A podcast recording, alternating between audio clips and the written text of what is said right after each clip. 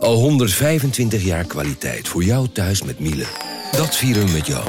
Ontvang nu tijdelijk een cashback tot 125 euro op veel Miele-apparatuur. Geniet van de kwaliteit van Miele. Voor perfect verzorgd wasgoed en kleding die veel langer mooi blijft. Voor een stralend schone vaat, even perfect als jouw diners. En een stofvrij thuis waarin echt hygiënisch schoon de standaard is. Check miele.nl voor alle feestelijke aanbiedingen. Vanaf de redactie van NRC het verhaal van vandaag. Mijn naam is Thomas Ruip.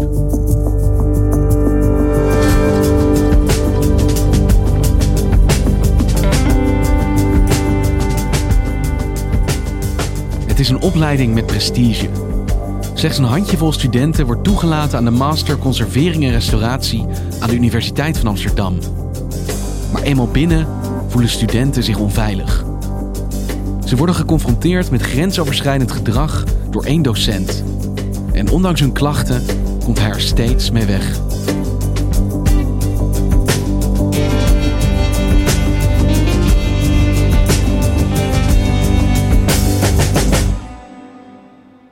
Op 26 september 2018 is er een promotiefeest op de UvA, op de opleiding Conservering en Restauratie. Patricia Veldhuis is onderwijsredacteur en maakte dit verhaal samen met Mirjam Remy. De promovendus is een docent die daar al jaren werkt. En uh, zijn collega's hebben aan de gasten gevraagd om typische quotes van hem in te sturen. Dus dat zijn hoogleraren van andere universiteiten, uh, andere docenten van de opleiding en zijn studenten. Die quotes uh, worden geprojecteerd op de muur. De gasten kunnen lezen dat, quote, stijfselvlekken net spermavlekken zijn. Je wast ze er makkelijk met water uit. Ze kunnen ook lezen: vrouwen kunnen geen handleidingen lezen. Er staat ook een groepje studenten bij die promotie, studenten van de docent. Ze zien hoe al die gasten kijken naar die quotes en zich daar eigenlijk, nou, sommigen zijn wat verwonderd, anderen halen hun schouders op en zij voelen zich eigenlijk radeloos. Daar staat precies waar zij al jaren last van hebben.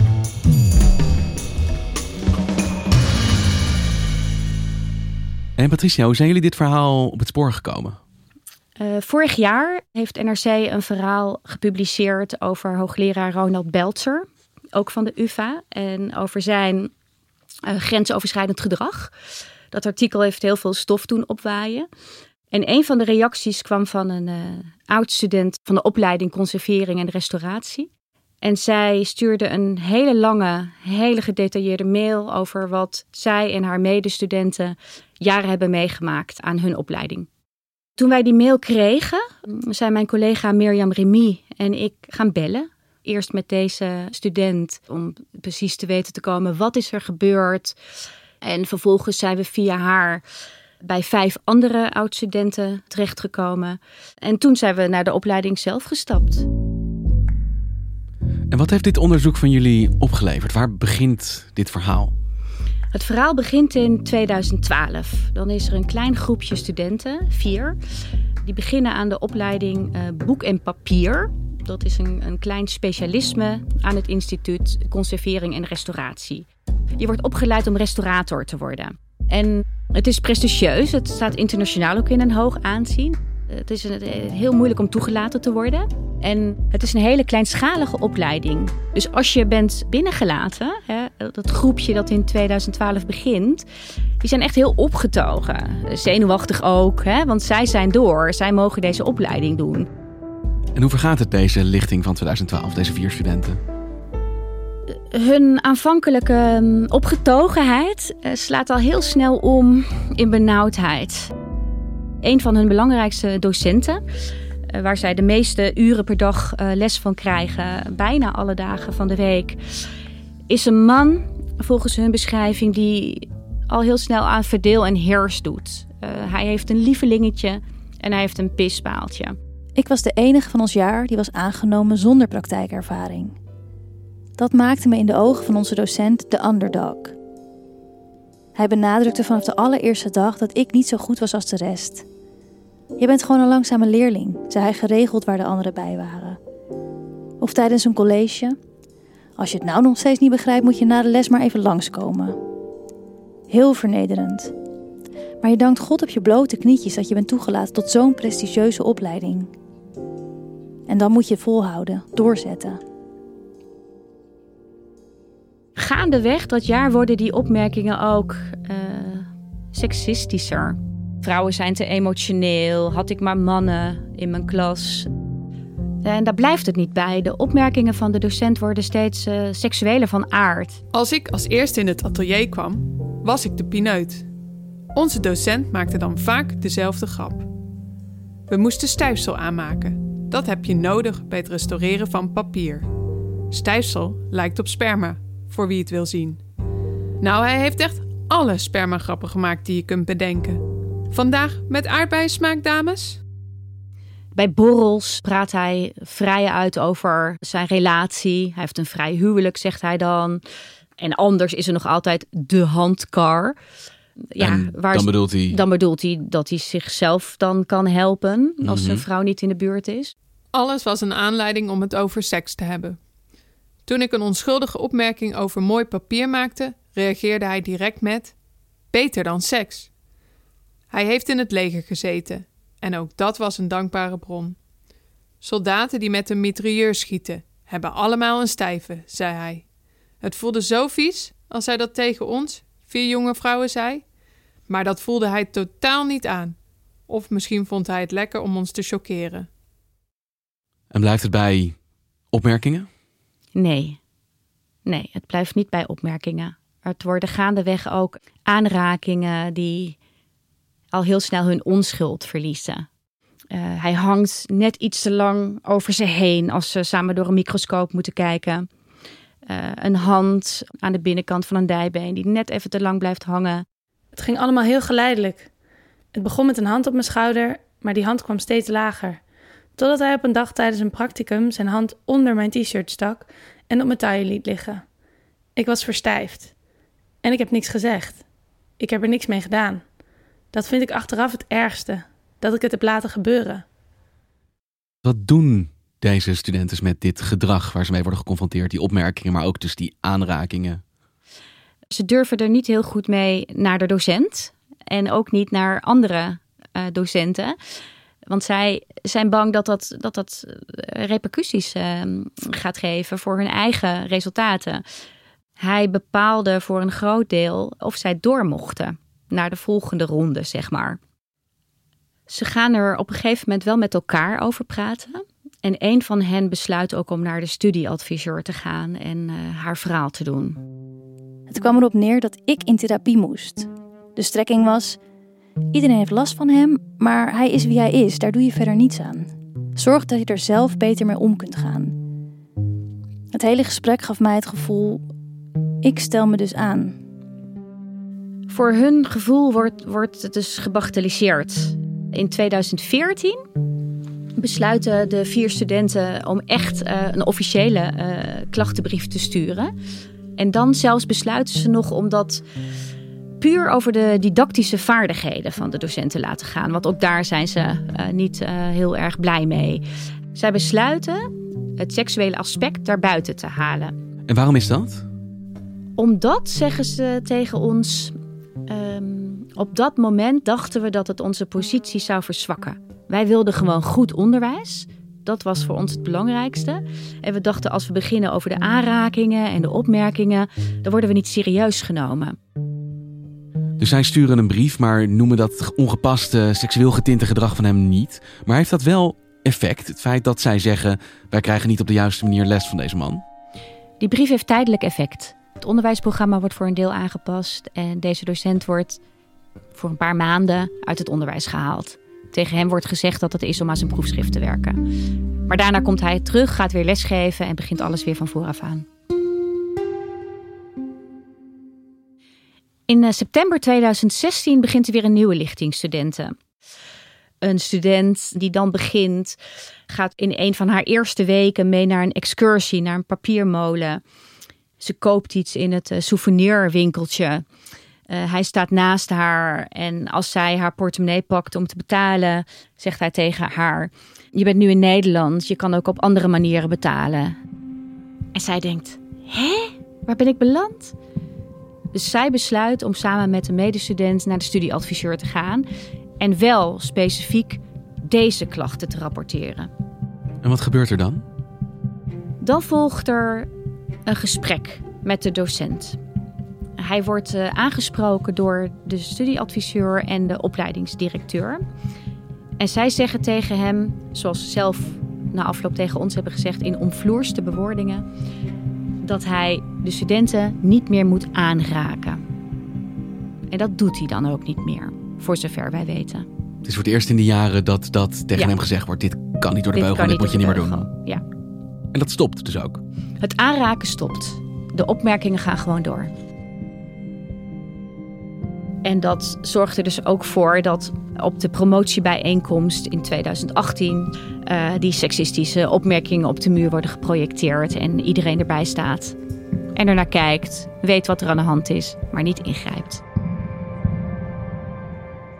Vlak na die promotie is er een afstudeerbijeenkomst. Waarbij, uh, zoals dan de traditie is, iedereen die afstudeert even wordt toegesproken door zijn of haar docent. En in het geval van deze afstudeerders leidt dat tot een hele ja, awkward situatie. tegen een student uh, die afkomstig is uit een ander land. Maakt hij hele gekke opmerkingen over dat land. Ik kan, om haar te beschermen, de nationaliteit niet zeggen. Nee. Uh, maar het komt erop neer dat haar soort ook altijd zus en zo is. Tegen andere student maakt hij de opmerking dat ze geen academisch denkniveau heeft. Moet je je voorstellen, een afstudeerpraatje. Na afloop komen ouders ook allemaal naar die studenten toe. En ze sturen ook mails naar de universiteit van... Wat gebeurde hier? Hier biedt hij de volgende dag zijn excuses eh, voor aan. Maar voor de studenten is dit wel de druppel. Zij besluiten dan van, nou, dit is echt, het is klaar nu. Dus ze gaan nu formeel een echte klachtenbrief sturen naar de decaan. Wat er dan gebeurt is heel opmerkelijk, want zij refereren in die klachtenbrief aan oude klachten. aan oude klachtenbrieven, aan, aan gesprekken met de studieadviseur. En dan blijkt dat daar, dat daar niks meer van bestaat. Er is geen dossier. Er staat nergens iets op schrift over de afgelopen zes jaar waar deze studenten last van hebben gehad. Want dit is de zoveelste lichting die tegen dezelfde problemen aanloopt. Ja. Niet de eerste lichting die daar een punt van maakt, maar er is niks bewaard gebleven. Er is niks bewaard gebleven. Zij sturen de decaan zelf uh, de oude klachtenbrieven, die ze weer hebben gekregen van de oude studenten, om het dossier compleet te maken. En de decaan gaat er ook wel mee aan de slag, want hij roept de docent bij zich en hij praat met de studenten. En op basis daarvan volgt er echt een eh, serieuze waarschuwing voor de docent. De studenten vragen eigenlijk om, ja, ontsla deze man. Maar dat gebeurt niet? Dat gebeurt niet, nee, nee. Hij komt wel onder toezicht te staan en hij wordt uit bepaalde aspecten van het onderwijs gehaald, maar niet uit alles. En zijn de studenten het daarmee eens? Is dit genoeg voor ze? Hebben zij het gevoel dat de universiteit nu genoeg actie heeft ondernomen? Zij dringen keer op keer aan op een onafhankelijk onderzoek en worden daarbij ook keer op keer naar nieuwe loketten gestuurd. Er wordt gezegd, je moet een officiële klacht indienen bij de klachtencommissie van de UvA. En dan loopt het weer spaak, want de klachtencommissie, daar kan je alleen terecht met klachten over het afgelopen jaar. Ehm, en je kan eh, alleen op persoonlijke titel een klacht indienen. En dat is iets wat zij uh, niet willen, want dat betekent dat hun anonimiteit in gevaar komt. En nogmaals, het is een hele kleine opleiding. Iedereen weet dan precies wie er geklaagd heeft. En niet alleen de opleiding is klein, ook het veld is klein. Iedereen kent elkaar in dat wereldje, is wat zij tegen ons zeggen. Dus ze hebben niet het gevoel dat eh, de UvA dit serieus neemt en echt optreedt op basis van wat zij zeggen? Nee, dat gevoel hebben ze zeer zeker niet. En deze docent, hebben jullie hem gesproken? Hebben jullie hem geconfronteerd met de bevindingen van jullie onderzoek? Ja, wij hebben uiteraard eh, contact met hem gezocht. En we hadden ook een afspraak met hem. Dat was uh, half maart, vlak voor de lockdown. Uh, wij zouden naar zijn atelier komen. En een paar uur voor die afspraak heeft hij die jammer genoeg afgezegd, omdat het hem te zeer emotioneerde. In plaats daarvan heeft hij een paar dagen later een hele uitgebreide mail gestuurd, waarin hij op alle punten systematisch in is gegaan. En wat zegt hij dan? Ja, hij zegt uh, van een aantal zaken, ja, dat had ik niet zo moeten doen. Hè. Opmerkingen over de handkar, uh, dat zie ik nu ook wel, dat dat totaal ongepast is. Andere dingen ontkent hij. Hij ontkent dat hij met een hand onder een t-shirt zat, bijvoorbeeld. Uh, hij zegt wel, ja, ik, ik, ik ben een aanrakerige man. Daar ben ik me van bewust nu en ik let daarop. Dus hij, alles wat hij nu zegt is doorspekt met... Um, ja, sorry, sorry, sorry. Ik weet het, ik let erop. Ik heb het niet goed gedaan, maar nu uh, doe ik heel erg mijn best om het niet meer te laten gebeuren. Hey, en van alles wat jullie te weten zijn gekomen en wat deze studenten verteld hebben, wat zijn nou de gevolgen geweest voor deze docent? Hij geeft nog gewoon les. Dat is denk ik het belangrijkste om te vertellen. Hij is wel van, zoals de opleidingsdirecteur ons vertelde, van bepaalde onderwijstaken uh, ontheven. Maar hij geeft nog gewoon colleges. En wat zegt de UvA dan tegen jullie? Hoe reageren zij op jullie bevindingen hier? We hadden eigenlijk één hamvraag voor ze. Waarom zit hij er nog? Waarom geeft hij nog steeds les? En daarvan zeggen zij: uh, wij vinden dat we proportioneel gehandeld hebben. En als er nieuwe feiten zijn, dan gaan we de nieuwe feiten onderzoeken. Maar we vinden dat we het nu goed hebben gedaan. En op onze vraag, uh, maar waarom is er geen melding gemaakt uh, destijds, in 2015 al, hè, van zijn uh, handtastelijkheden? Daarvan zeggen ze nu, ja, dat hadden we wel moeten doen en dat is niet gebeurd. Wat ook belangrijk is om te zeggen, is dat dit niet iets is wat typisch voor de UvA is. Er is onderzoek gedaan vorig jaar rond MeToo door het landelijk netwerk van vrouwelijke hoogleraren naar grensoverschrijdend gedrag aan universiteiten in Nederland.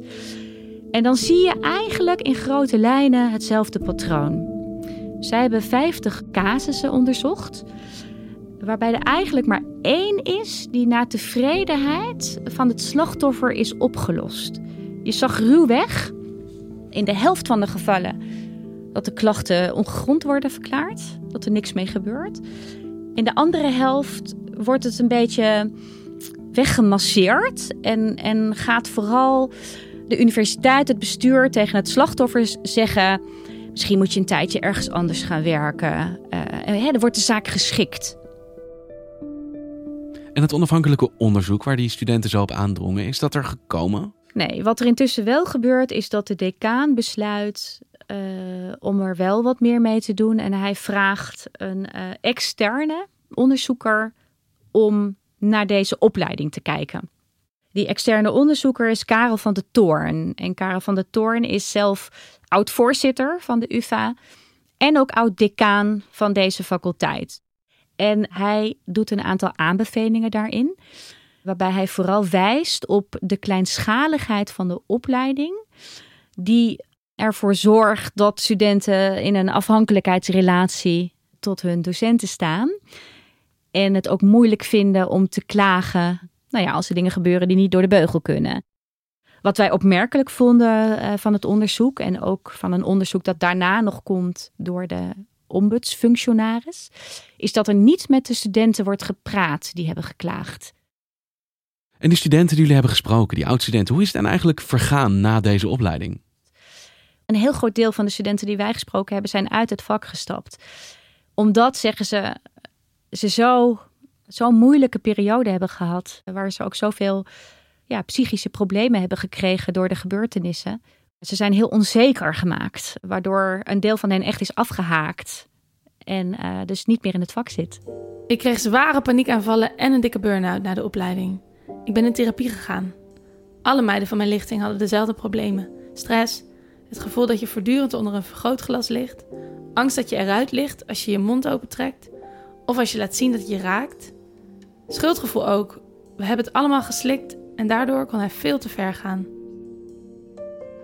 Wat bij bijna allemaal dan een hele grote rol speelt, dat is de schaamte.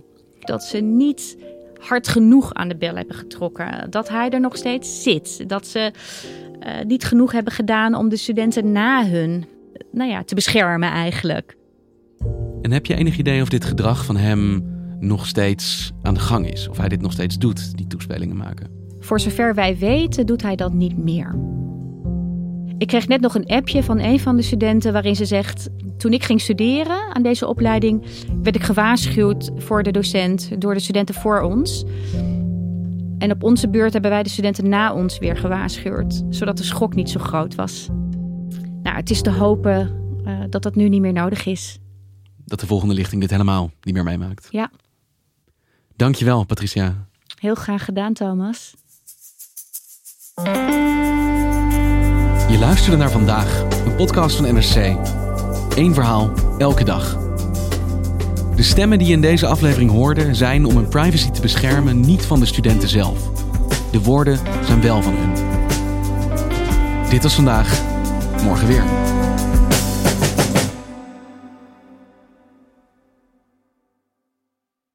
Technologie lijkt tegenwoordig het antwoord op iedere uitdaging. Bij PwC zien we dit anders. Als we de potentie van technologie willen benutten, kunnen we niet zonder een menselijk perspectief. Human-led, tech-powered noemen we dat. Ga naar pwc.nl.